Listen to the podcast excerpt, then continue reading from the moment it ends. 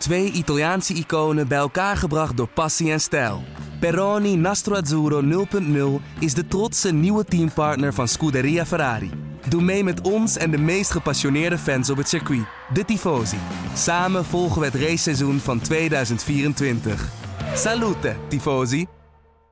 Dit programma wordt mede mogelijk gemaakt door Toto. Dit is de Formule 1-podcast van De Telegraaf. Erik van Haren en Christian Albers praten hierbij over het belangrijkste Formule 1-nieuws. Ja, daar zijn we weer. Chris, uh, jij zit ergens op een geheime locatie. Ik zit nog in, uh, in Singapore. Fijn dat de, de, moderne techniek staat voor niets. En eigenlijk voordat we het over de ja, toch chaotische Grand Prix van Singapore gaan hebben, wil ik het toch even over jou hebben. Want de meeste vragen die ik op Twitter heb gekregen vandaag, uh, waarvoor dank, die gingen over jou. Namelijk Hendrik bijvoorbeeld, die vraagt hoeveel kilo jij bent afgevallen als je dat wilt delen. Want hij zegt in ieder geval ben je goed bezig. Nou, uh, poeh, joh, ik heb de vaart er echt uh, in zitten. Want uh, ik heb dat een beetje dat aangepast, het eten en zo. En ik ben eigenlijk een beetje gestopt met suiker. Nou, dat doet sowieso wonderen. En ik ben nu 4,5 kilo lichter, joh. Dat is ongelooflijk. Dat is echt ongelooflijk. Het gaat echt heel hard. Maar ja, als je natuurlijk ook elke avond een pak bestrojenkoeken naar binnen werkt natuurlijk. en dan ook nog eens een keer gewoon alle snoep van je kinderen opeet. Ja, dan gaat, en je doet dat niet meer, dan gaat het heel snel. Nou, en hoeveel heb je nog een streefgewicht dan? Nee, helemaal niet. Maar weet je, op een gegeven moment heb ik gewoon drie kasten, weet je. Met overhemden op de groei. En dan iets overhemden die in het begin waren. Dat soort dingen allemaal. En uh, volgens mij uh, werden ze thuis ook een beetje gek ervan, van het inpakken. En uh, mijn budget werd gewoon wat minder, weet je wel. Dus op een gegeven moment ja, is het toch wel een, een dure kostenpost. Als je continu nieuwe kleding moet kopen. Dus ik was er gewoon eigenlijk een beetje klaar mee. Maar je zat bij Viaplay dit weekend, maar bij de tv-studio's heb je er ook altijd van die zakken snoep liggen en zo. En cola en chips en... Uh... Ja, maar daar probeer ik een beetje vanaf te blijven. Ja, dat is niet normaal joh. Die hebben van die hele bakken staan bij Viaplay. Ja. En uh, daar zitten sultanas in. En ook van die hele lekkere appelkoeken. Die zijn ook lekker, weet je wel. Buiten de bestonjekoeken heb je ook van die gevulde koeken met appel erin. En die zijn ook zo lekker, joh. Nou, je hebt je vermaakt in ieder geval. En komend weekend zit je weer, begreep ik. Japan, dus dan moet je er vroeg uit elke dag. Ja, Volgens mij wordt ook veel, eh, veel regen voorspeld. Zeker vrijdag en zondag. Dus het kunnen nog lange dagen worden. En uh, je weet dat ik echt zo'n ster ben in de ochtend. Dus uh, ik kijk er heel erg naar uit. ja, nou ja, het is nu ook nog vroeg. Hè? Is het nu vroeg voor jou of ben je een beetje opgestart? Nee, ik ben, al, ik ben al opgestart. Het is, uh, het is half tien bij ons. En uh, hoe laat is het bij jou nu? Want je ziet er wel fris en fruitig uit. Ondanks dat het gisteravond toch laat is geworden stiekem. Lijkt mij, of niet? Half vier. Ja, ja, maar wat ik zei, ik heb het Europese ritme aangehouden. Dus ik ben eigenlijk elke dag niet voor... Uh, nou ja, zes, uh, zes uur eigenlijk naar bed gegaan. Zes uur s ochtends. Ja, want je had natuurlijk hoofdkwartier nog aan de telefoon, of niet? Nee, maar dan, je blijft in het Europese ritme. Dus dan... Uh, Hoe, dan, hoe is het met de verbouwing? Gaat het goed of niet? Kom, laat eens even wat, laat, laat eens even wat horen. Ik zal het nu even laten horen. Ik, ja, mijn vriendin is niet te benijden hoor. Ik ben morgen dus dinsdag terug in Singapore. Of in, in uh, Nederland. Ja. Kijk, dit gebeurt En dan moet je kogelvrij vest aandoen, of niet? Het horen? Nee. Nee, ik hoor niks. Ah, ze moet niet zo aanstellen. Valt wel mee. Nou, ja, het gaat dus non-stop door. Ja, het is geen pretje als je even uitrust en je bent zwanger. Dus nee. uh, ja, ik hoop dat het snel voorbij is. Maar op deze manier uh, wordt het wel uh, zwaar. Maar goed. Goed, ik, moet, laten we naar de race gaan in Singapore. Want ik moet zeggen, aan het begin van, het, van de race dacht ik, nou, het kan wel eens heel saai worden. Maar uiteindelijk was het mijn chaos. Volgens mij hebben we in totaal drie virtual safety cars gehad. Jouw favoriete onder, onderdeel in de Formule ja, 1. En zeker. twee normale safety cars. Je ja. niet stilgezeten ook, denk ik. Nou, net wat, jij, uh, wat je ook zegt is, het was eigenlijk een, ja, eigenlijk een leuke race, maar ook weer een niet leuke race. Ik heb een beetje mixed feelings, omdat het een beetje een domper is dat bijvoorbeeld Perez wint. En uh, natuurlijk, hè, hij heeft het verdiend en uh, hij reed gewoon sterk. Uh, hij maakte geen fouten, ook niet toen Leclerc vol de druk erop zette. Maar weet je, of het nou echt de, de coureur is die, had, die daar had mogen winnen, zeg ik van nee. Want ja, degene die had kunnen, kunnen en moeten winnen was natuurlijk Max Verstappen. Maar die was natuurlijk, uh, natuurlijk in een qualifying was het een en al drama. En um, ja, Red Bull heeft gewoon, uh, gewoon uh, niet goed gedaan. En dan zie je bijvoorbeeld dat je dan je coureur toch gefrustreerd het circuit afloopt. En dan de hele avond nog gefrustreerd is tot de, de, de ochtend ook nog eens voordat hij in de auto stapt. Ja, en dan op een gegeven moment als je dan aan een race begint. En ik denk ook dat Max ehm, zich niet helemaal eroverheen kon zetten. Waardoor hij dus gewoon eh, ja, waardoor hij ook gewoon momenten had in de race waar hij toch iets te gefrustreerd was en iets te, te veel wilde. En ehm, ja, en dat, dat heeft hem niet geholpen, ondanks dat hij gewoon een, een goede race heeft gereden. Maar laten we niet vergeten dat uh, de combinatie Red Bull en Max uh, normaliter gewoon dodelijk is. En dat hebben we eigenlijk van uh, ja, gisteren in de race niet kunnen zien. Ondanks dat hij natuurlijk wel wat inhaalacties heeft gehad. Maar ja, door de fouten moest hij continu opnieuw beginnen. Ja, en dan, en dan komt het er niet uit. Nee, maar snap je die frustratie bij hem? Want je ziet natuurlijk ook op zo'n circuit, op een gegeven moment zit je gewoon vast achter iemand. Kom je er eigenlijk niet voorbij. En als je dan weet, als je teamgenoot vooraan rijdt en je voelt dat je de beste auto hebt, dan lijkt me heel, uh, ja, dan, dan, lijkt me heel vervelend als coureur zijn, zeg maar. Nou ja, je vreet je op een gegeven moment op. Hè. Je, raakt, je raakt redelijk gefrustreerd. En op een gegeven moment komt ook een beetje ja, agressie bij ook uh, in je lichaam. Omdat je gewoon continu achter dezelfde rijdt. En dat heel moeilijk is om, om in te halen. Maar ja, het begon allemaal Erik natuurlijk ook bij de start. Als, als we de start analyseren. We hebben Leclerc die het eerste moment gewoon echt heel goed wegkomt. Dan zie je bijvoorbeeld dat uh, een Perez eigenlijk meer uh, wat rustiger wegrijdt. Waardoor hij iets minder wielspinnen heeft in het eerste moment. Maar ook eigenlijk, eigenlijk nee, de eerste moment heeft hij wat gaat hij wat langzamer, trekt hij op, hè, als een oud omertje. Uh, Leclerc laat iets meer zijn koppeling uh, schieten als het ware, waardoor hij dat eerste momentum heeft dat hij wat sneller van zijn plek af is. Maar dan op een gegeven moment zie je dat Leclerc wielspin krijgt en dan, dat heeft Perez veel minder. Ja, en dan zie je op een gegeven moment vanaf uh, van tweede naar derde naar vierde versnelling dat Perez veel sneller weg is. Ja, en als je dan de start analyseert van, um, van Max, ja, dan zie je duidelijk dat hij dan iets te voorzichtig is. Want je, je moet zeg maar zo zien, normaal start je natuurlijk allemaal in eerste versnelling. En maar in de regen wil je in tweede versnelling starten, omdat je gewoon anders te veel wielspin hebt. Hè? Dus die wielen draaien door en als de wielen doorslippen, ja, dan heb je, dat heet dus tractie, dan heb je geen tractie. En dan verlies je dus gewoon uh, uh, snelheid.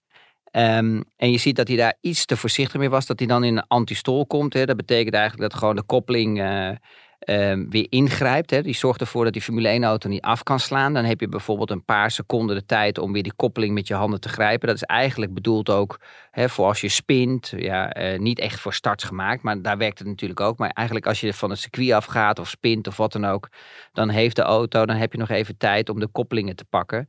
Want je kan aan beide kanten de koppeling pakken. En dan, uh, dan slaat hij niet gelijk af. Nou, dat zie je. Daar reageert hij dan wel snel op. Maar ja, dan mis je al dat hele momentum. Ja, en dan krijg je op een gegeven moment dat hij alweer vier, vijf plekken naar achteren valt. Ja, en dan, en dan, krijg, nou, dan, dan, moet je de hele opmars weer maken. En dan zie je gewoon dat je dan... Ja, bij coureurs komt die gewoon echt, weet je. Kijk, als je naar, bij, zo'n Kevin Magnussen komt. Ja, dat is gewoon, dat is gewoon een, een leuke keer om te zien uh, uh, buiten de auto. Maar op het circuit is het gewoon een, een, een, een vervelend mannetje. En heel naar, eh, want die laat gewoon niemand voorbij. En dan zie je dat, je daar, dat, dat het hem heel veel tijd kost om door dat veld heen te komen.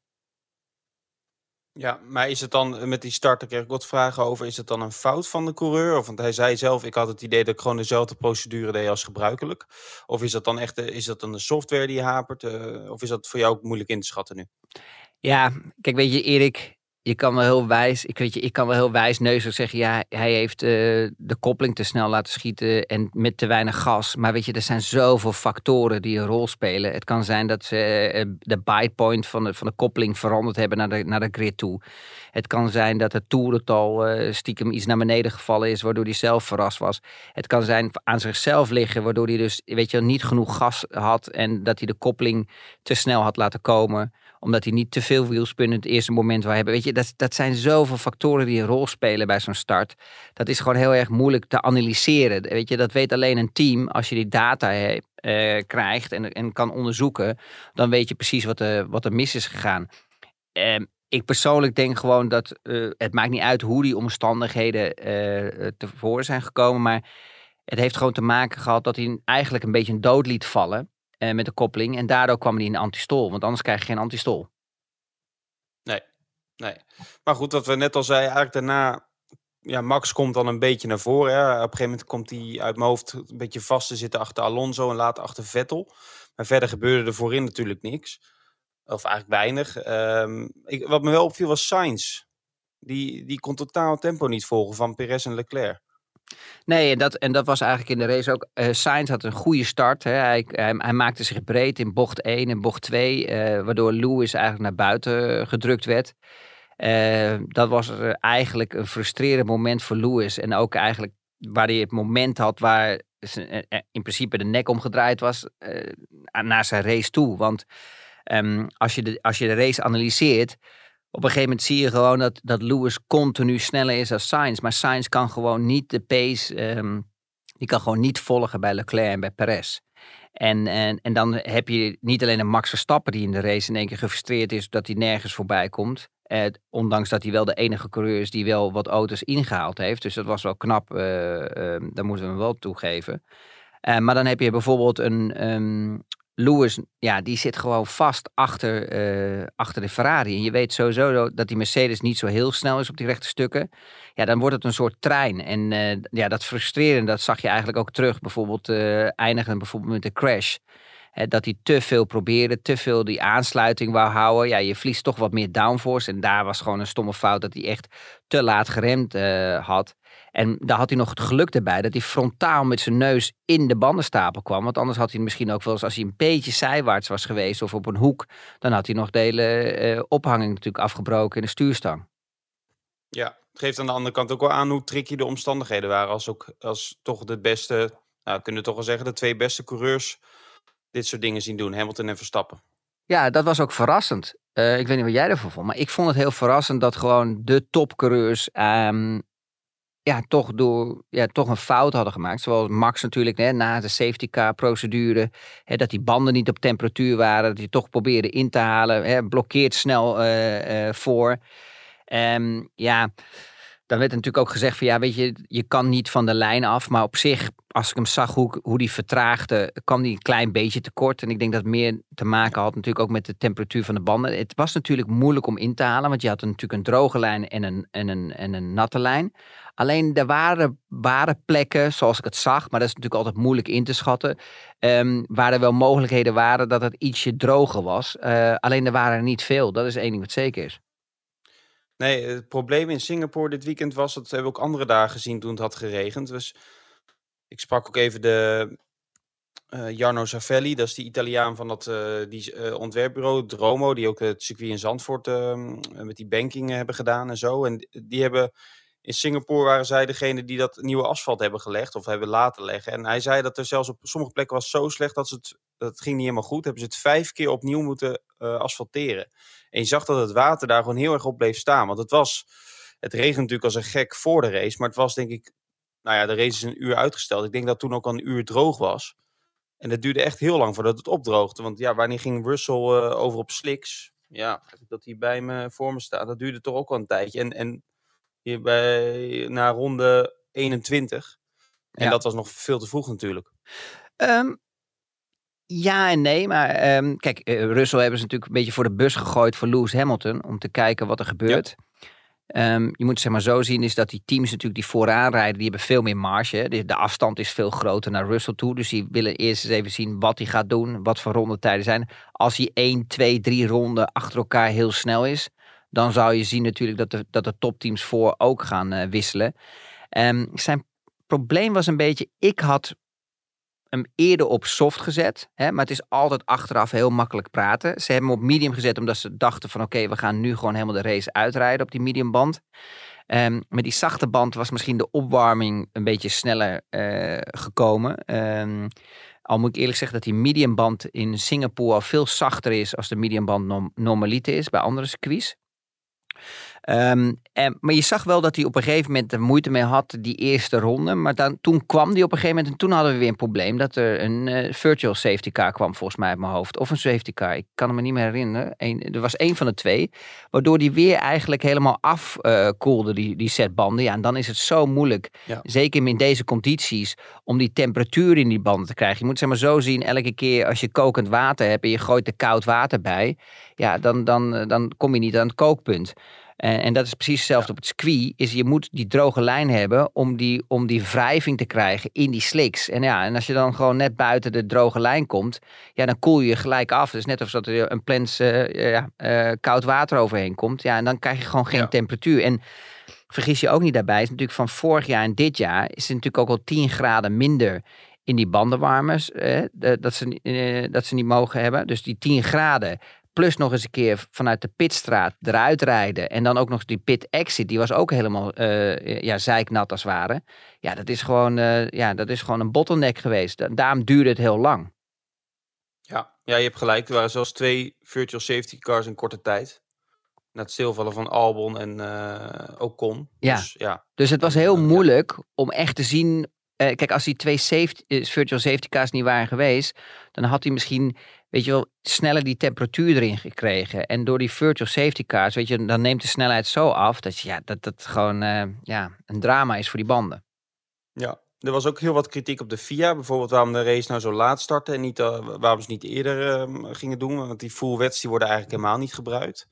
Um, ja, wat is jouw eh, visie daarop? Nou, ik heb sowieso heel veel klachten over de VIA, maar ik vond dat ze gisteren eigenlijk wel redelijk goed voor elkaar hadden. Um, kijk, er waren. Ja, ik, ik snap het. Kijk, ze hadden natuurlijk de startprocedure uitgesteld. Dus dat geeft wel aan de hele procedure. Dus dat is uh, uitrijden pits, uh, team eerste grid op, uh, volkslied en zo. Dus dat duurt gewoon al 40 minuten sowieso. Dus ja. dat vond ik niet zo heel gek. En er was ook kritiek um, over Perez waarom dat zo lang duurde voordat die straf bekend werd na de race. Alleen in dit geval vond ik dat vrij logisch, omdat um, ja, Perez, als ze, als ze gewoon een straf hadden uitgedeeld, had Perez twee keer vijf seconden tijdstraf gehad. Maar ja, je wil in, onder dit soort omstandigheden denk ik ook van de coureur horen wat zijn uitleg is. En daar wacht je natuurlijk op. Dat kun je moeilijk tijdens de race over de boordradio vragen. Uh, ja, dat, uh, daar heb je gelijk in. Dus, maar, dus de hele startprocedure van de race. Kijk, er waren natuurlijk van gigantische hoosbuien. Dus ja, uh, je moet dan toch wachten wat gebeurt op het circuit. Je moet dan toch een keer Bernd Mailand met die safety car naar buiten sturen. Om te kijken van oké, waar staat er stilstaand water? Waar zijn plassen? Want dat is gevaarlijk voor de Formule 1 auto. Want je komt eraan met de Formule 1 auto in die bodem. Je hebt zeg maar een soort ja, zwaar een punt, een driehoek, hè, die T-tray, met die, met die plank. Ja, als je dan in zo'n plas komt, ja, dan ben je gewoon passagier, dan ben je net een speedboot. En ja, dan, dan zijn je wielen ook van de, van de grond als ware, dus dan ben je gewoon bestuurloos. En het maakt niet uit wat, hoe groot talent je bent, maar je verliest dan gewoon de auto. Um, en eh, dus, dus op dat opzicht vond ik wel dat ze dat goed hadden gemanaged. Hè? Dus, dus de start gewoon iets vertraagd. Eh, zorgen dat die mannen allemaal met de bezems en bezig zijn om al die plassen weg te vegen. Uh, ze met vrachtwagentjes bezig geweest. Ik begrijp trouwens niet waarom ze niet echt professionele apparatuur hebben om dit soort plassen snel weg te halen. Om die vertraging te zorgen dat die mhm. vertraging niet komt voor, voor alle kijkers. Um, maar dan uh, heb je helemaal gelijk. Um, ik ben dan niet mee eens met de FIA. Ik begrijp wel dat ze natuurlijk iemand uh, na de race willen ondervragen. Van oké, wat is hier gebeurd? Waarom had je die afstand? Maar weet je, het reglement is het reglement. En wat ik de laatste tijd heel erg merk, en daar hebben we het met z'n tweeën heel vaak over. En daar heb jij ook hele goede standpunten uh, voor.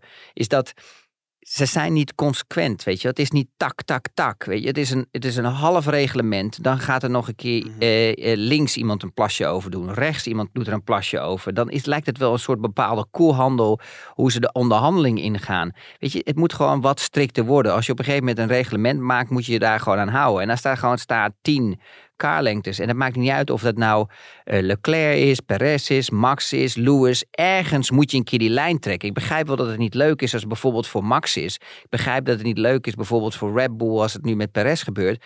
Maar je moet ergens een keer een beslissing maken. Dus als je gewoon schrijft in het reglement dat je niet meer dan 10 autolengtes achter de safety car mag zitten, dan moet je daar aan houden. Dus ja, weet je, het maakt niet uit wat van uitleg komt.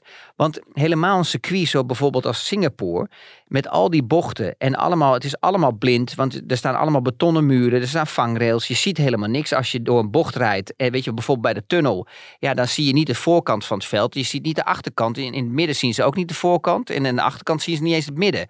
Dus je moet wel dat contact kunnen blijven houden met die safety car. En dat doen ze niet voor niets. Dat doen ze gewoon om te zorgen dat iedereen erbij blijft. Dat iedereen ook gelijke kansen heeft om die bandentemperatuur, weet je wel, dat voor iedereen hetzelfde is. Want als jij, die tien, als jij meer dan 10 autolengtes tussen kan houden, ja, dan kan je dus zelf je tempo bepalen. Dan kan je dus bijvoorbeeld sneller accelereren en dan heel lang de rem erop houden bijvoorbeeld. Dan krijg je veel meer temperatuur. Door die remmen in de velgen. Van de velgen gaat het door in de banden. Ja, je, dat, dat soort trucken kan je allemaal doen. En je wilt ook natuurlijk na zo'n safety car, wil je dat iedereen gewoon een eerlijke start heeft. Dus ja, weet je, mijn opinie, ja, ik weet niet wat er gebeurd is en ik weet ook niet wat de uitleg is nou aan het einde. Want voor mij was het, ik had gedacht toen ik in de studio zat van dat die safety car, die kwam de pits in en dan heb je die safety car lijn en eigenlijk passeerde die al de safety car. Dus ik dacht dat het daaraan lag en later hoorde ik dat het dus de afstand was van die tien auto's. Want er was heel weinig over bekend.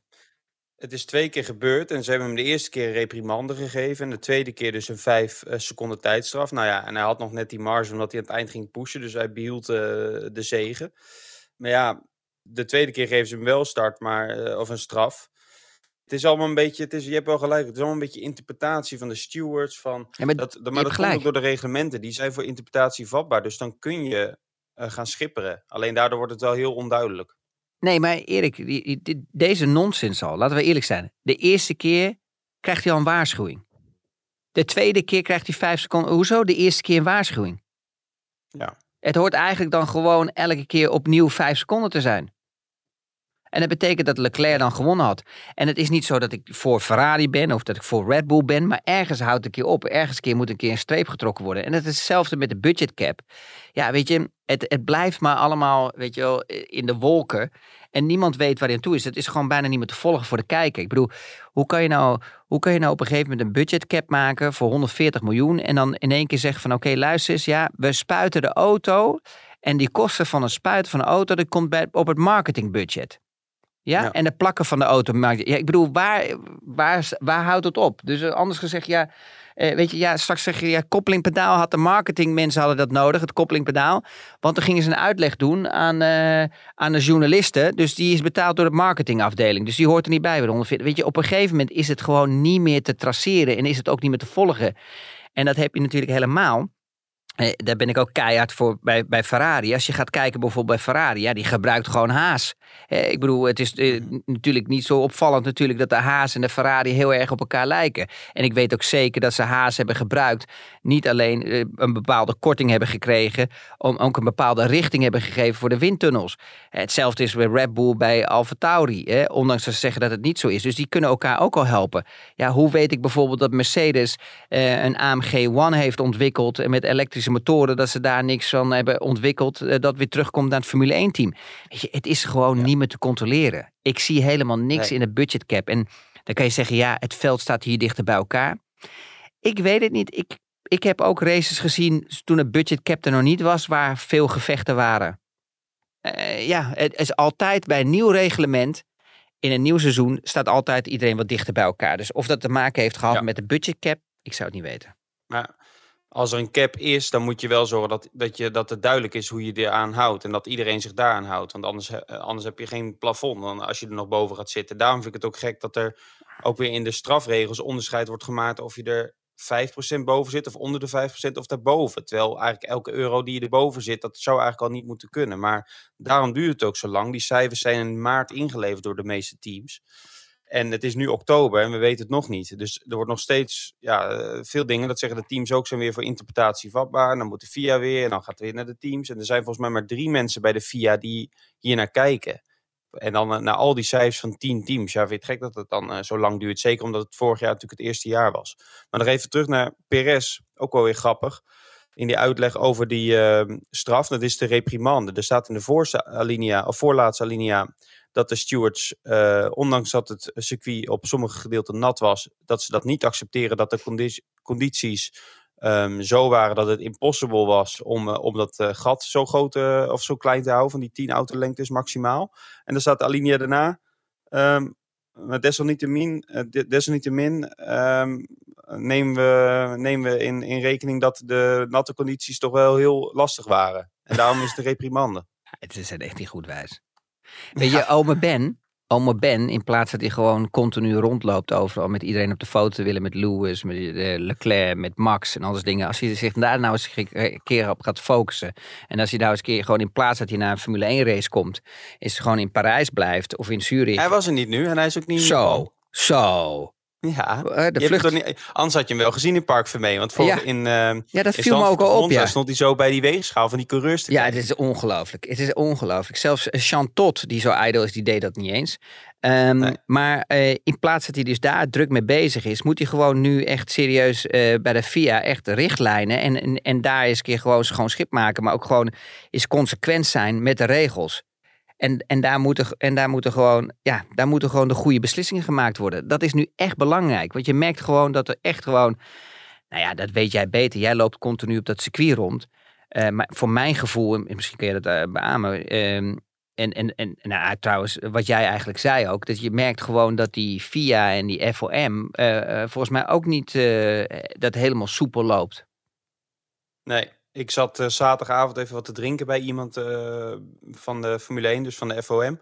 En toen kwam er iemand van Mercedes bij zitten. En toen later, later liep er een teambaas langs van een ander team. En als je dan uh, ziet hoe zij, ja, of de dan praten over de FIA en de president. Ja, dan heb ik al het idee dat die eigenlijk door niemand serieus wordt genomen.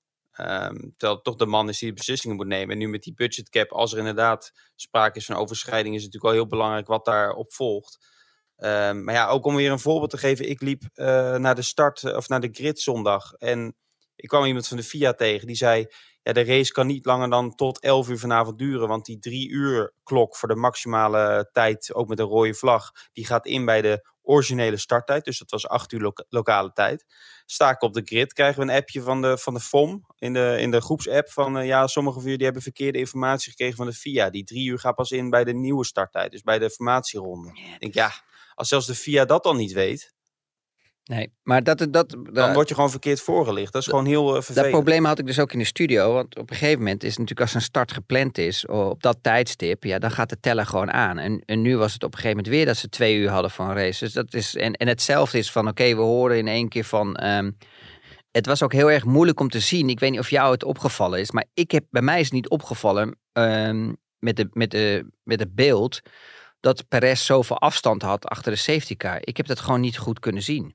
Nee, en tot twee, toe, twee, twee keer toe ook. En op een gegeven moment duurt het dan heel lang voordat je informatie krijgt. En, ik, en het is toch heel makkelijk als je gewoon een, een banner bovenin doet waar staat uh, uh, uh, Perez car nummer 11. Hij heeft 11 toch, volgens mij uit mijn hoofd. Ja. Um, car nummer ja. 11. Uh, weet je wel, uh, heeft te veel ruimte. Uh, tien, meer dan 10 autolengtes achter de safety car gehad. weet je wel, en dan, en dan die staat, ehm, die wordt op dit moment behandeld. Eh, ik noem maar wat. Ja. dan, dan, dan zit je erin in de race. Dus ik dacht, ik was echt stellig van overtuigd. Als je namelijk keek namelijk naar de beeldopnames. Dan zie je bijvoorbeeld dat, die pit, dat, dat, dat, dat de safety car naar binnen komt. En dan zie je eigenlijk dat gewoon uh, Perez de safety car inhaalt. Omdat die pitstraat anders loopt. Weet je, die hebt zo'n L natuurlijk, of zo'n beetje zo'n halve ronding. Dus die duurt wat langer. En dan moest Ben natuurlijk even in de hoefijzers. Want anders schiet hij rechtdoor en zit hij weer op het circuit. Dus je, je merkte dat. Dus ik dacht dat het daar lag. Weet je, dat soort communicatie. Ja, zei dat die dat de safety car de ene keer dan te langzaam ging vormen, de andere keer weer te snel. Dus ja, ja, nee, nee, maar dat, dat, dat, klopt ook. Zo'n safety car die gaat ook heel hard. Die gaat harder dan een Formule 1 auto. Dat klopt. ja.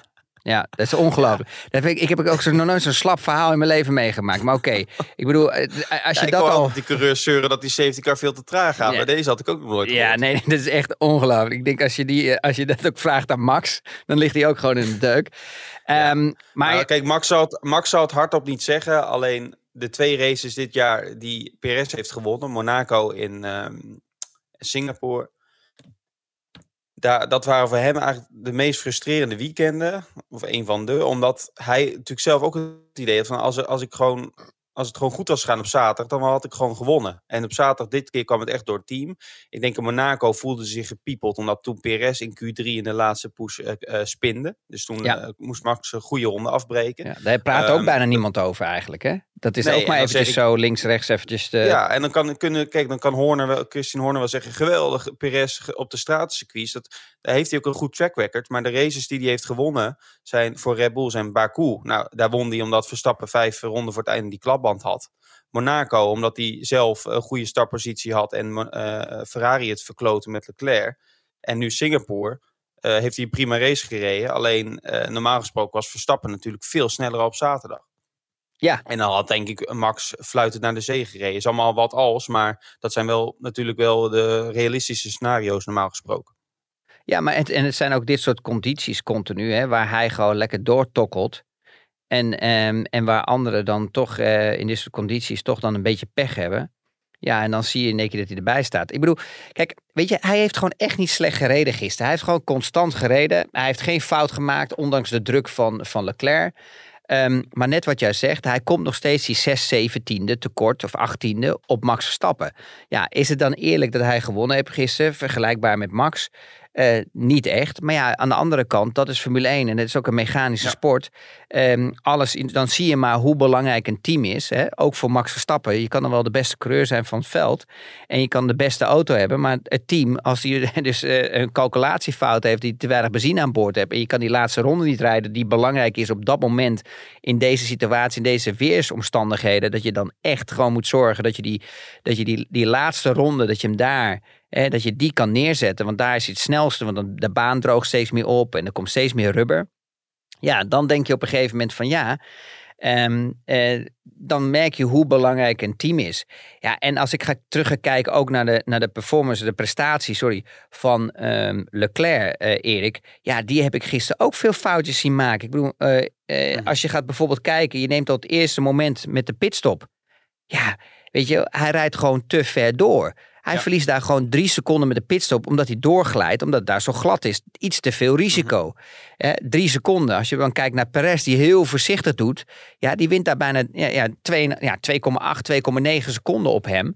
Alleen al bij de pitstop, bij het stilstaan. Hè, dus uh, bij je pitcrew aankomen. Als je dan gaat kijken naar de virtual safety car, waar Leclerc 2,6 seconden achter Perez zat en gewoon slaapt als de, als de virtual safety car weggaat, dat het gat van 2,4 of 6 of zo gewoon in één keer naar 4,6 gaat. Dat is weer 2 seconden. Dat bij elkaar is bijna plus minus 6 seconden wat hij verloren heeft in de race.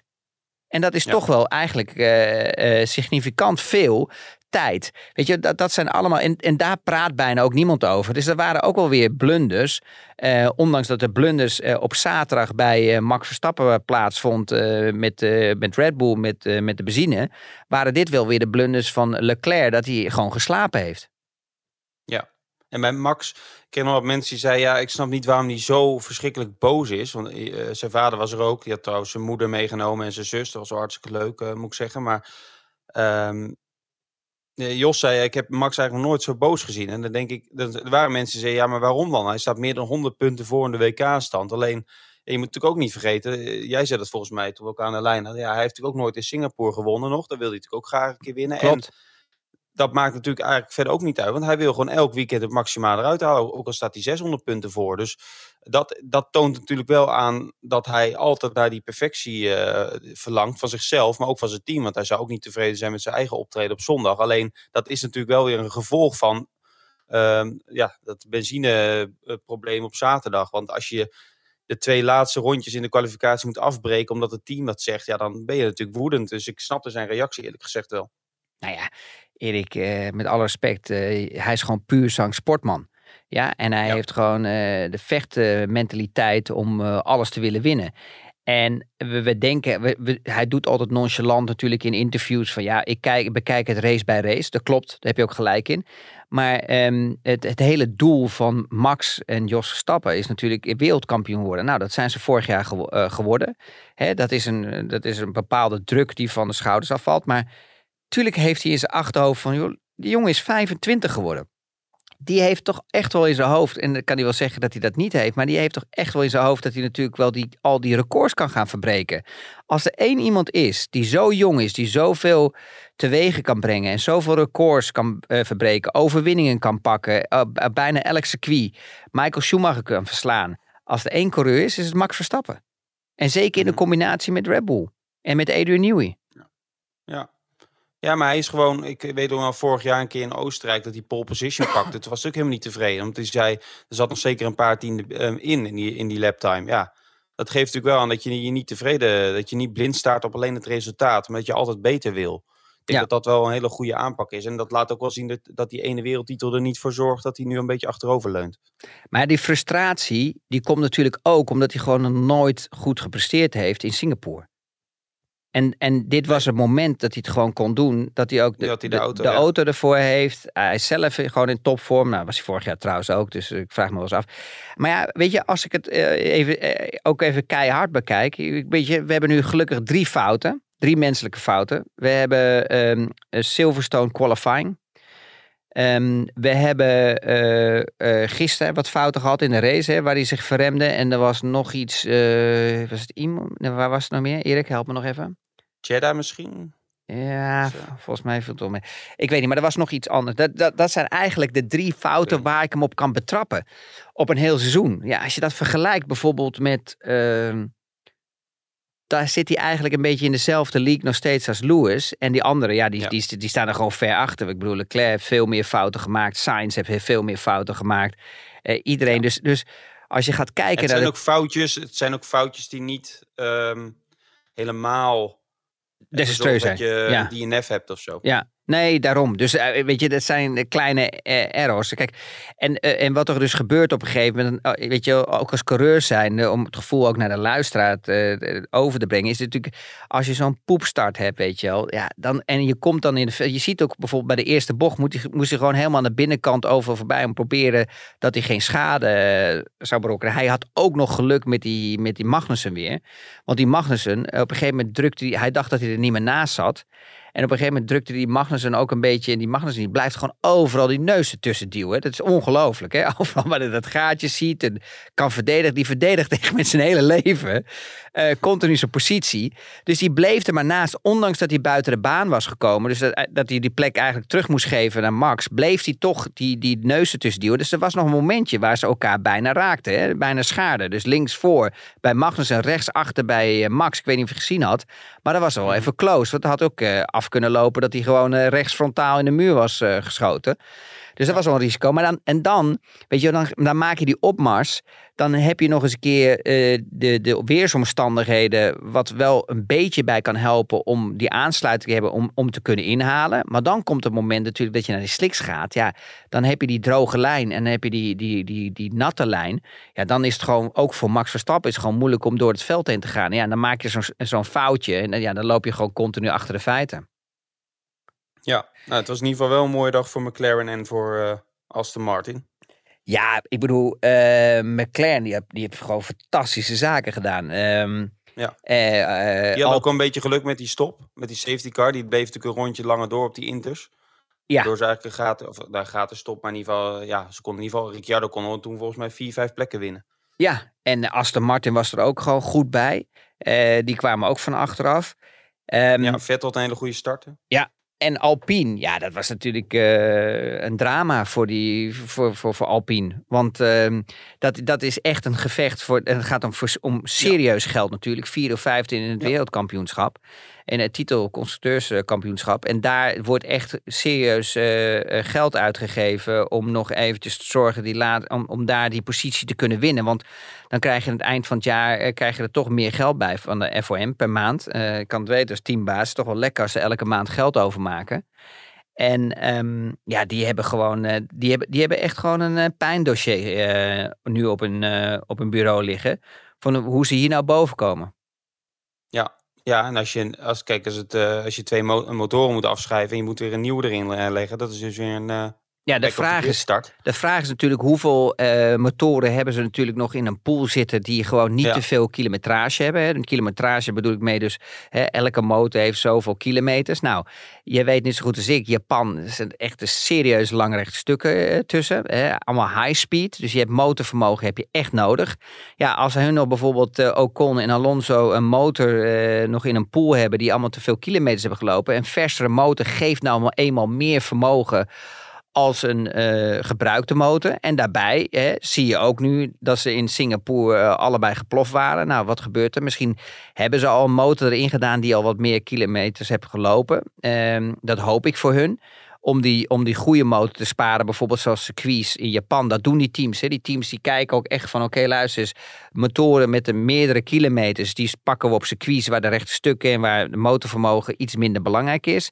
En echt de versere motors die pakken we weer voor echt circuits waar je dat echt nodig hebt. Hè. Zo bijvoorbeeld een Spa-Francorchamps, een Monza en nu natuurlijk uh, Suzuka Japan. Ja.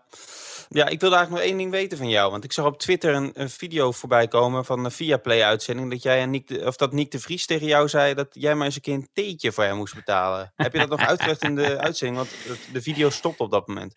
Ja, nee, ik had met Nick, eh, we hadden afgesproken en uh, waren we een beetje een kletsen en zo dat ding. En ik moest eigenlijk heel snel weg. En uh, er was even iets, een paniekgevalletje, dus ik moest even snel er vandoor. Dus uh, Niek had het kopje thee afgerekend, dus vandaar dat hij tegen mij zei van ja, ik krijg toch een kopje thee van je. Het was ook wel eens een keer fijn dat iemand anders een keer een kopje thee betaalt, dus Niek hierbij, bedankt. um, nee, ja, dat was, het was wel een leuke vraag voor jou, dat je zei van goed om te zien, zeker dat die twee Avatars in de top 10 staan. In ieder geval ja. voor de start. Ja, hij was wel scherp, ja. Maar wat, wat het leuke ervan is, kijk, ik had altijd bij Nick altijd een beetje gevoel, weet je, zo'n beetje mixed feelings en zo. En het is altijd moeilijk uh, om mensen in te schatten. En, het, en, het, en het, dat, dat, hebben heel veel mensen bij mij, dat weet je Erik. Hè? Dat, die, ja, je, ja. je, hebt toch een bepaalde uitstraling en al dat soort dingen.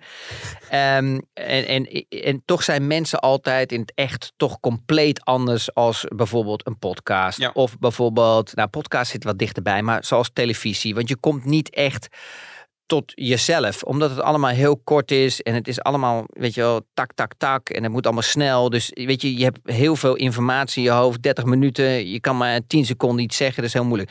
Dus ik had met, uh, met Nick hadden we afgesproken. En het mooie van, van Nick is, en, en, en dat, dat vind ik wel positief uh, voor hem eventjes, is dit, dat hij toch nog een beetje uit die oude generatie komt. Kijk, hij is natuurlijk nog steeds jong, 27, maar hij was wel in de tijd Um, toen ik uh, bij DTM reed en succesvol was en, en, en races kon winnen in Formule 3. Toen werd hij al opgepakt door uh, Ron Dennis, door McLaren. En die hadden een beetje dezelfde school, weet je wel. Zo van echt, die coureurs die moeten zich gedragen, die moeten oppassen. Weet je, allemaal van die PR-trainingen waren toen de tijd. En dat merk je ook echt heel erg. Als je bijvoorbeeld Nick naast Max weer zet. Ja, Max zegt gewoon wat hij denkt. En je ziet bij Nick dat hij gewoon ja, die opleiding heeft gehad, weet je wel, om gewoon niet te veel te zeggen, maar wel de juiste, correcte dingen en zo, dat soort dingen. Ja. En, dat, en daar zie je dus toch gewoon dat twee verschillende opleidingen zijn geweest. Uh, en natuurlijk, Nick is ook wat ouder natuurlijk als, als Max. Uh, en, maar Max is daar vrijer in geweest met, met Jos. Um, dan, dan bijvoorbeeld zo'n schooling, bijvoorbeeld bij McLaren, Ron Dennis, dat was natuurlijk ook hetzelfde als bij Mercedes. Dat werd er allemaal ons. Dat, en dat zie je ook bij Lewis Hamilton. Die, die merk je dat hij ook niet echt uitspraken heeft, zoals bijvoorbeeld Max Verstappen of, uh, of andere coureurs. Die zijn meer politiek correct. En dat, is ook wel weer leuk. Ik begrijp dat het voor de kijker en voor andere mensen misschien niet zo leuk is, maar het is wel, uh, het is wel uh, mooi en chic en goed voor de grote brands natuurlijk. Ja, nee, helemaal eens. Ik, uh, ja, het is uh, Niek van harte gegund. Ja. Uh, ervan uitgaan dat hij bij... nou ja, dat, dat, dat hij gaat rijden of dat hij... dat of dat hij zo is? Krijgt? okay. Nee, nou nee, ja, ik wat ik volgens mij half september al heb geschreven... is dat Niek Rona Alfa gaat. Dus dat is geen verrassing meer. Maar wat ik er toen ook bij zei... is dat eerst de hele overgang logischerwijs van Gasly naar Alpine uh, uh, afgerond moet worden. En dat, dat gaat gebeuren. Of dat is al gebeurd, ik weet het niet. Maar dat wordt waarschijnlijk komende zaterdag in Japan bekendgemaakt. Dus, uh, maar zo, kan je, dus zo zie je ook maar weer hoe Formule 1 in één keer een draai kan geven. Hè? Dus dat op een gegeven moment dat die nieuwe, ja, die was, die komt er niet meer van nieuwe talenten. Dus even, ja. die zit net even niet in zijn superlicentie. Daar zit hij even niet in. Dan even de. de, de, hij heeft de, het is het perfecte moment. hij zit net op de goede plek, want hij is als ik goed ben geïnformeerd, is hij door Helmut Marko pas na de race in Monza, waar hij toen uh, voor Albon instapte, is hij pas uh, uh, benaderd. Ja. Dus eh, kijk, als hij daar een hele slechte race had gereden, dan was hij denk ik niet benaderd. Ja, zo opportunistisch is het waarschijnlijk wel. En hij heeft die geluk dat Colton Hurta inderdaad niet die superlicentie krijgt. Dat en het was ook... iemand aan de, op, de door, op de deur klopt in het Red Bull talentenprogramma die er nu al klaar voor is in de ogen van Marco. Ja, dat, dat natuurlijk, maar dan moet je die kans wel aangrijpen. En hij heeft het wel zelf afgedwongen, denk ik. 100%. En hij, hij, was op het juiste moment daar. Uh, hij heeft de keuze gemaakt om testcoureur te zijn, ook om in, om in die Formule 1 wereld te blijven. Hij heeft die kilometers gemaakt. Dus ja, Ja. weet je, als je iemand in de auto moet zitten die al een paar vrijdagen heeft gereden of een helemaal nieuw talent, dan kies je toch voor die paar vrijdagen voor die, voor die safety, weet je, of voor de zekerheid. En, en, en, en, en hij en, en praten mensen wel eens van, joh, weet je wel, hij is oud, 27 jaar. Dat vind ik echt een lulverhaal. Um, um, want ik bedoel, uh, vijf of tien jaar geleden waren er alleen maar coureurs een beetje van die leeftijd. Die de, dan kwam je er pas in met ja, 24, als, 25 jaar. Haas gaat nu Nico Hulkenberg waarschijnlijk terugnemen. Ja, maar dat, dat, is echt, dat, is echt, dat vind ik echt zo'n slap verhaal. Ik vind, ik vind het echt ongelooflijk. Weet je, daar begrijp ik echt helemaal niks van. Ik bedoel, vertel mij nou eens welke coureur, uh, bij welke coureur die sneller was in de Formule 1. Dat is een, een coureur die eigenlijk elke teamgenoot heeft hem bijna verslagen. Bijna elke teamgenoot. Volgens mij alleen bij Williams toen een keer met, met wie heeft hij gereden toen bij Williams? Ik, ik zou het niet eens meer weten. Jij bent daar beter in. Maar volgens mij was hij daar dan de sterke. Had hij één keer in Brazilië volgens mij eh, een goede qualifying uit mijn hoofd gehad. Um, maar uh, Ricciardo, uh, volgens mij heeft hij naast uh, Di Resta gereden, of Perez. hij heeft bij, volgens mij deed hij bij iedereen te onder. Correct of niet? Ja, ja nou, je, bijna wel. Ja. ja, hoe kan je dan in godsnaam hoe kan je zo in godsnaam. Hoe kan iemand. nee, oké, maar of het nou wel of niet zeker is. Ik begrijp dat gewoon niet. Pak dan gewoon. Weet je, neem dan het risico. Um, ik, ik merk bij Mick. Oké, tuurlijk, ze zijn misschien niet zo enthousiast. Maar Mick is een coureur, denk ik, Schumacher. Die wat langer nodig heeft. Ik denk als hij nu nog een jaar erachter kan plakken. Weet je wel, dat hij dan pas echt tot zijn recht komt. Ik denk dat het nog net te kort is, weet je wel. En dat zag je in al zijn klasses. Hij heeft langer nodig. Hetzelfde was altijd met Nico Rosberg. Die had ook veel langer nodig. Het was elke keer tweede jaar pas dat hij kampioen werd. Het duurde heel lang. En, en er was echt een werktalent. En dat is Mick ook een beetje, een werktalent. Niet geen natuurtalent zoals Lewis, zoals eh, Max Verstappen, zoals Leclerc. Maar meer een werktalent. En dus hij heeft wat meer tijd nodig. Nee, eens. Ja. Dus ik, ik verwacht eigenlijk wel dat het uh, de Vries, uh, nou ja, dat is eigenlijk wel rond uh, Hulkenberg Haas. En dan zal Williams voor Sargent gaan. Dat is die Amerikaan. Maar die moet nog wel in de top 5, geloof ik, eindigen in de Formule 2. om die superlicentie te krijgen. Ja. Um, maar ja, maar dat, goed, dat, dan... dat, is ook goed hè, voor Niek. Ja, kijk, hij zal misschien hij zal wel getekend hebben al. Um, um, maar wat gebeurt als je Sargent niet in die top 5 eindigt? Of zes. Ja. Geloof ik in de top zes moet hij eindigen, uit mijn hoofd. Ja, top zes, je hebt gelijk. Ja. ja. wat gebeurt er dan? Dan is er weer een plekje vrij.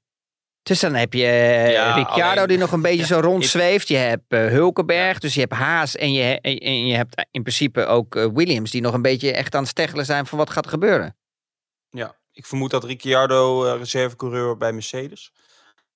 dus die neemt dan eigenlijk de job van Nico over. Ja, ja, nou, hij is wel goed voor die, en als reservecoureur. Hij lacht altijd. Hij kan mensen entertainen. Hij lacht altijd, kan mensen entertainen. Ja. ja. het is ook wel eigenlijk ook wel echt sneu, want weet je, hij zat er zo goed bij. Hij was sneller als Vettel. Hij was een beetje gewaagd met Max Verstappen. Oké, Max Verstappen had wat tijd nodig. He, die was al vanaf het begin uh, sneller. Uh, maar af en toe liet Ricciardo nog wat zien. En des te meer kilometers Max in die Red Bull maken, des te moeilijker het werd um, uh, voor Ricciardo. En dan is het ook niet leuk in zo'n team te zitten als je een teamcollega hebt die sneller is. Dus hij heeft eieren voor zijn geld gekozen. En hij, is, hij heeft gewoon een dikke vette paycheck heeft hij gepakt bij Renault. Nou ja, wie zou dat niet doen? Ik bedoel, mensen zeggen ja, maar ik begreep, zelfs dat, ik begreep zelfs dat Matesic toen nog uh, heeft gezegd: je kan toch blijven bij Red Bull. Ik bied je hetzelfde salaris als wat Renault toen, uh, toen gaf aan hem. En toen heeft hij toch gezegd: ik ga naar Renault. Wat eigenlijk inhield dat hij bang was om helemaal kapot te worden gereden. Wat eigenlijk het laatste jaar natuurlijk eigenlijk al gebeurde aan de, uh, aan de ik zou precies, Ik zou precies hetzelfde doen. Als je moet kiezen voor je carrière. Ja, maar wees nou eens eerlijk. Je moet kiezen voor je carrière. Ja? Je krijgt bij een ander team heel veel geld. Je weet dat je op je sodemieten krijgt van Max Verstappen dat je niet de snelle coureur bent. Moet je nagaan dat je bij elk persmoment, elk PR-event, overal waar je komt, er niet de nummer 1 coureur bent. Weet je wat voor klap dat is voor je ego? Dan kan je toch beter zeggen van, joh, luister eens, ik ga zogenaamd hè, een nieuwe route in. Ik wil met een nieuw team wereldkampioen worden. Renault weer naar een wereldkampioenschap helpen. Die auto ontwikkelen, dat soort dingen allemaal. Ja, Hetzelfde heeft toch ook uh, Vettel gedaan. Vettel heeft precies hetzelfde gedaan naar Ferrari. Oké, dan heb je dan het excuus bij Ferrari dat iedereen voor Ferrari wilt rijden. Maar die was ook bang voor Ricciardo op dat moment. Ricciardo zat er ook goed in. Dus dit, dit is gewoon een hele simpele keuze. Die zou elke coureur maken. Ja. De route van de minste weerstand. Nou ja, over Niek, die gaat nog, volgens mij gaat hij nog naar alle races toe als reservecoureur voor Mercedes. Volgens mij rijdt hij, of nou niet volgens mij, hij rijdt ook nog de eerste vrije training voor Mercedes in ieder geval in Mexico. Dus hij gaat nog wel meer ervaring opdoen. Het is wel leuk nu al dat hij niet meer bij alles, alle meetings mag zijn bij Mercedes, zoals dat altijd gaat als een coureur, eh, als duidelijk ah ja, dat zegt wel genoeg, toch? Of niet? Dat zegt dan wel genoeg. Ja, dus ja, dat zegt wel genoeg. Ja. Maar Um, ja, er is pas, uh, het is pas getekend als getekend. Misschien is het al getekend, maar ik uh, begreep dat dat nog niet zo is. De ene zegt van wel, nou de, de hoofdpersoon zelf van niet. Nou ja, daar, die moet ik dan, uh, daar ga ik dan nu op dit moment gewoon vanuit. Um, dus ja, dat, dat, maar dat het rond gaat komen of dat het rond is en gaat gebeuren, dat is wel zeker. Dus dat is natuurlijk alleen maar fantastisch nieuws. Um, ja, wij gaan allebei vroeg opstaan deze week, want ik ga ook niet naar Japan. Dus jij moet Oh. in de studio natuurlijk zijn. Maar Ja. Collega Lars van Soest gaat naar Japan en ik ga lekker vanuit huis werken. Ik, de achterkans groot dat eh, Verstappen zondag wereldkampioen wordt. Alleen het is, iets, ja, het is minder makkelijk tussen haakjes dan het eh, misschien zou zijn geweest als hij in Singapore een goed resultaat had gehad. En er wordt veel regen voorspeld, met name vrijdag en zondag op dit moment. Dus het kan nog wel een interessant weekend worden. Ja, maar die Red Bull, ehm, die gaat daar zo ongelooflijk snel zijn. Dat is, Ja, eh, dat is, dat gaat is, overal snel. Ja, maar Nu- daarom, ik, ik weet zeker dat hij straks de snelste ronde heeft en ook eh, de overwinning heeft. Ja. Ja, dus hij gaat, Waarschijnlijk, eh, ze zijn er drie jaar niet geweest. Waarschijnlijk heb je weer die eerste training. Als hij dan dat eerste rondje rijdt, dat het gelijk weer paars, paars, paars is. Dat blijft toch vaak ongelooflijk om te zien. ja, Op een nieuw moet- circuit of een circuit. maar ho, ho, ho, Ja. ho, laten we ook even realistisch zijn. Ik weet niet of jij Ja. eh, de qualifying eh, gezien he- hebt in eh, eh, gisteren, of eergisteren.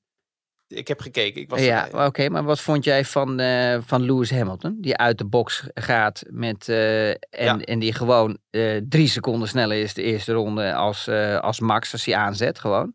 Die, die kwalificatie was... eh, Hamilton had... Die was, aan het begin was hij zo snel. Ja. In vergelijking met de rest. Maar, Gelijk het eerste rondje. maar En, altijd. en, wie, ik, en ook weer genoten van Alonso in die kwalificatie. Hè? Hoe Klopt. die weer stond te beuken. Ja, maar je ziet toch weer hè, dat eh, die, dit, zeg maar, die Lewis, en Lewis en Max, die, eh, die twee, echt gewoon allebei met de kartjes, allebei uit hetzelfde milieu. Dat betekent dus ook van huis af geen geld. Ehm, toch gewoon boef, weet je wel, gelijk dat neerzetten. En, dat is, en het Lewis is dat, eh, weet je wel, je cijfer die niet weg in de regen, weet je wel. Je ziet daar echt het kaliberverschil Ja. met andere coureurs. En ehm, ehm, laten we ook eerlijk zijn, als je gaat bekijken nu bijvoorbeeld Russell, die totaal geen druk heeft. En dat heb ik vorig jaar begin van, eh, eind van het jaar gezegd. Als Russell ernaast komt rijden, is het niet... ehm, ehm, is de, eh, de mogelijkheid dat Russell vaak sneller zou zijn dan Lewis. En waarom komt dat? Omdat hij geen druk heeft. En Lewis heeft wel die druk. Maar we gaan straks volgend jaar zien, als die twee weer naast elkaar zien, dan zie je op een gegeven moment dat de druk wel eh, richting eh, eh, Russell komt, omdat hij al een heel jaar achter zijn kiezen heeft zitten van het, van het team. Dus het, e- voor een nieuwe coureur die altijd in een team komt, weet je wel, daar staat er geen druk op. En dan weet je gewoon, joh, luister, ik zit naast een zevenvoudig wereldkampioen. Het is geen, ik hoef me niet te schamen als ik langzamer ben. Dus die gaan altijd, dat heb ik ook uit eigen ervaring meegemaakt met Pavitt en met andere coureurs die allemaal naast me kwamen. Dan dacht ik, shit, hoe kan dat nou? Weet je wel, ben ik het verleerd?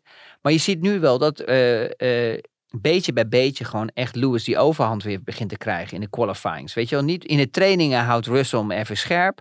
In de qualifying ook soms. Maar je ziet toch wel dat hij nu een beetje die overhand weer begint te krijgen. Dus ik hoop voor hem dat hij dat door kan zetten. Ja. Als hij dat niet kan, Erik, ben ik bang dat hij stopt. Ja, maar we zijn nu al bijna aan het einde van het seizoen. Dus ik denk dat hij volgend jaar zeker doorgaat. Zijn contract loopt ook nog gewoon door. En dan dan Ja. maar zien. Maar het hangt een beetje vanaf denk ik, hoe competitief Mercedes is. Volgend jaar aan het begin van het seizoen. Hij zal denk ik volgend jaar zomer toch wel zijn beslissing gaan nemen. Hey, wat vond je eigenlijk Goed. van Yuki? Ja, ik zag het alweer voor me dat, die, dat, dat, dat Verstappen niet naar binnen was gegaan in, daarvoor. En dat toen Yuki die, eh, die auto weer die bandenstapel inramde. Dat mensen weer zouden zeggen dat het weer gepland Ja. was door Red Bull. Ja. hè, wat in Zandvoort ook gebeurde. Gelukkig was dat niet het geval. Nee. Ja. Kijk, dat is natuurlijk wel eh, Yuki eh, de Vries. Ik weet niet, kijk, die moet natuurlijk dat eerste volgend jaar moet hij die Tsunoda, dat wordt dan Tsunoda's derde jaar, die moet hij natuurlijk helemaal kapot maken om, te, om zijn toekomst in de Formule 1 veilig te stellen. Zijn eigen toekomst. Ja, maar dat gaat hem wel lukken, joh. Dat gaat hem echt lukken. Die eh, Yuki is gewoon niet constant. En dat, dat, dat- dat is iets ook, eh, ja, ik eh, laten we oppassen wat ik zeg altijd, maar Japanse coureurs uit, eh, als je gaat bekijken geschiedeniswijs, dan zijn ze niet altijd heel erg constant. Dan heb je echt wel van die acties. Uh, die we vroeger ook wel eens hadden. Dat, het is gewoon alles of niets. En uh, dat gaat heel vaak, uh, eindigt dat in huilen in niets. Um, al moet ik eerlijk zeggen dat ik in het begin heel verrast was hoe snel die was. En vanaf toen de tijd is het eigenlijk alleen maar bergenafwaarts gegaan. Ik begrijp eigenlijk niet waarom die nog een jaar heeft gekregen. Ja, ik begrijp het wel natuurlijk, want het is gewoon Honda. Die moet gewoon een eh, Japaner erbij hebben, gewoon marketingtechnisch gezien. Ik ken nog vraag om tot slot van over Matasic, dat de geruchten gaan dat hij zou zijn overleden. Um, ja, die geruchten die heb ik van heel veel kanten gehoord. Dat werd in de paddock ook veel, maar dat wordt ontkend. En ja, met dat soort dingen moet je natuurlijk heel terughoudend zijn. Uh, dat hij ziek is, dat is natuurlijk een publiek geheim. Maar um, ja, waarom ik er niks over heb geschreven, ja, dat is, dat is natuurlijk dat. Je gaat natuurlijk als je, over dit soort zaken, leven of dood, daar hou je je gewoon aan de feiten. En je houdt je altijd aan de feiten, maar je bent wel extra terughoudend. Ja, het is een heel dun lijntje, moet je heel erg mee oppassen. Maar uh, ja. in ieder geval dat het, dat, het niet, dat, die, dat het niet goed met hem gaat, dat is één ding wat uh, zeker is. ja. ja. Dus uh, eigenlijk uh, balen. En uh, dan vraag ik me ook wel af wat er straks gaat gebeuren met de, met, met de teams natuurlijk. Want ja, er, wordt wel, er zijn allemaal wel geruchten dat het allemaal netjes op wordt gelost. En dat het allemaal klaar staat hoe het allemaal verder gaat. Maar dat is altijd nog natuurlijk maar zien. Hè? Want aan het eind van het verhaal was hij toch wel de, de drijfkracht achter Red Bull met Marco. Ja, en als Marco toch zijn maatje verliest, dan, heb je, dan, dan gebeuren er soms wel eens rare dingen. Ja, ja, nou, dat wordt uh, vervolgd. Het wordt weer een interessante week, ook met die hele budgetcap uh, saga. Waarschijnlijk woensdag horen we daar uh, meer over. Wij zijn er volgende week maandag weer naar de Grand Prix van Japan. Ehm, nou, allebei, denk ik, vanuit Nederland. Al wachten we dat nog even af. Chris, succes dit weekend in de studio. Ik ga, ik ga kijken. Hè? Dat is ook nee. een keer leuk om te vertellen. Gezellig, man. Gezellig. En ze ga je ook ja. nog bellen. Ze ga je bellen deze week. Ze ga je bellen. Dat zou ik even Ga je bellen? Jij, jij, jij, ziet, uh... jij, ziet, deze week via Play in je, in je telefoon staan. Let maar op, let maar op. Hebben ze, betalen ze goed daar of niet? Uh, ja, dat is een goede vraag, Erik. Okay, nou, als jij dat nog even regelt geen commentaar. bij manager, dan uh, komt het goed. um, jullie allemaal bedankt voor het luisteren. Uh, en we zijn er volgende week weer. En Chris, uh, hartelijk dank voor je tijd. Dankjewel hè. Dit programma werd mede mogelijk gemaakt door Toto.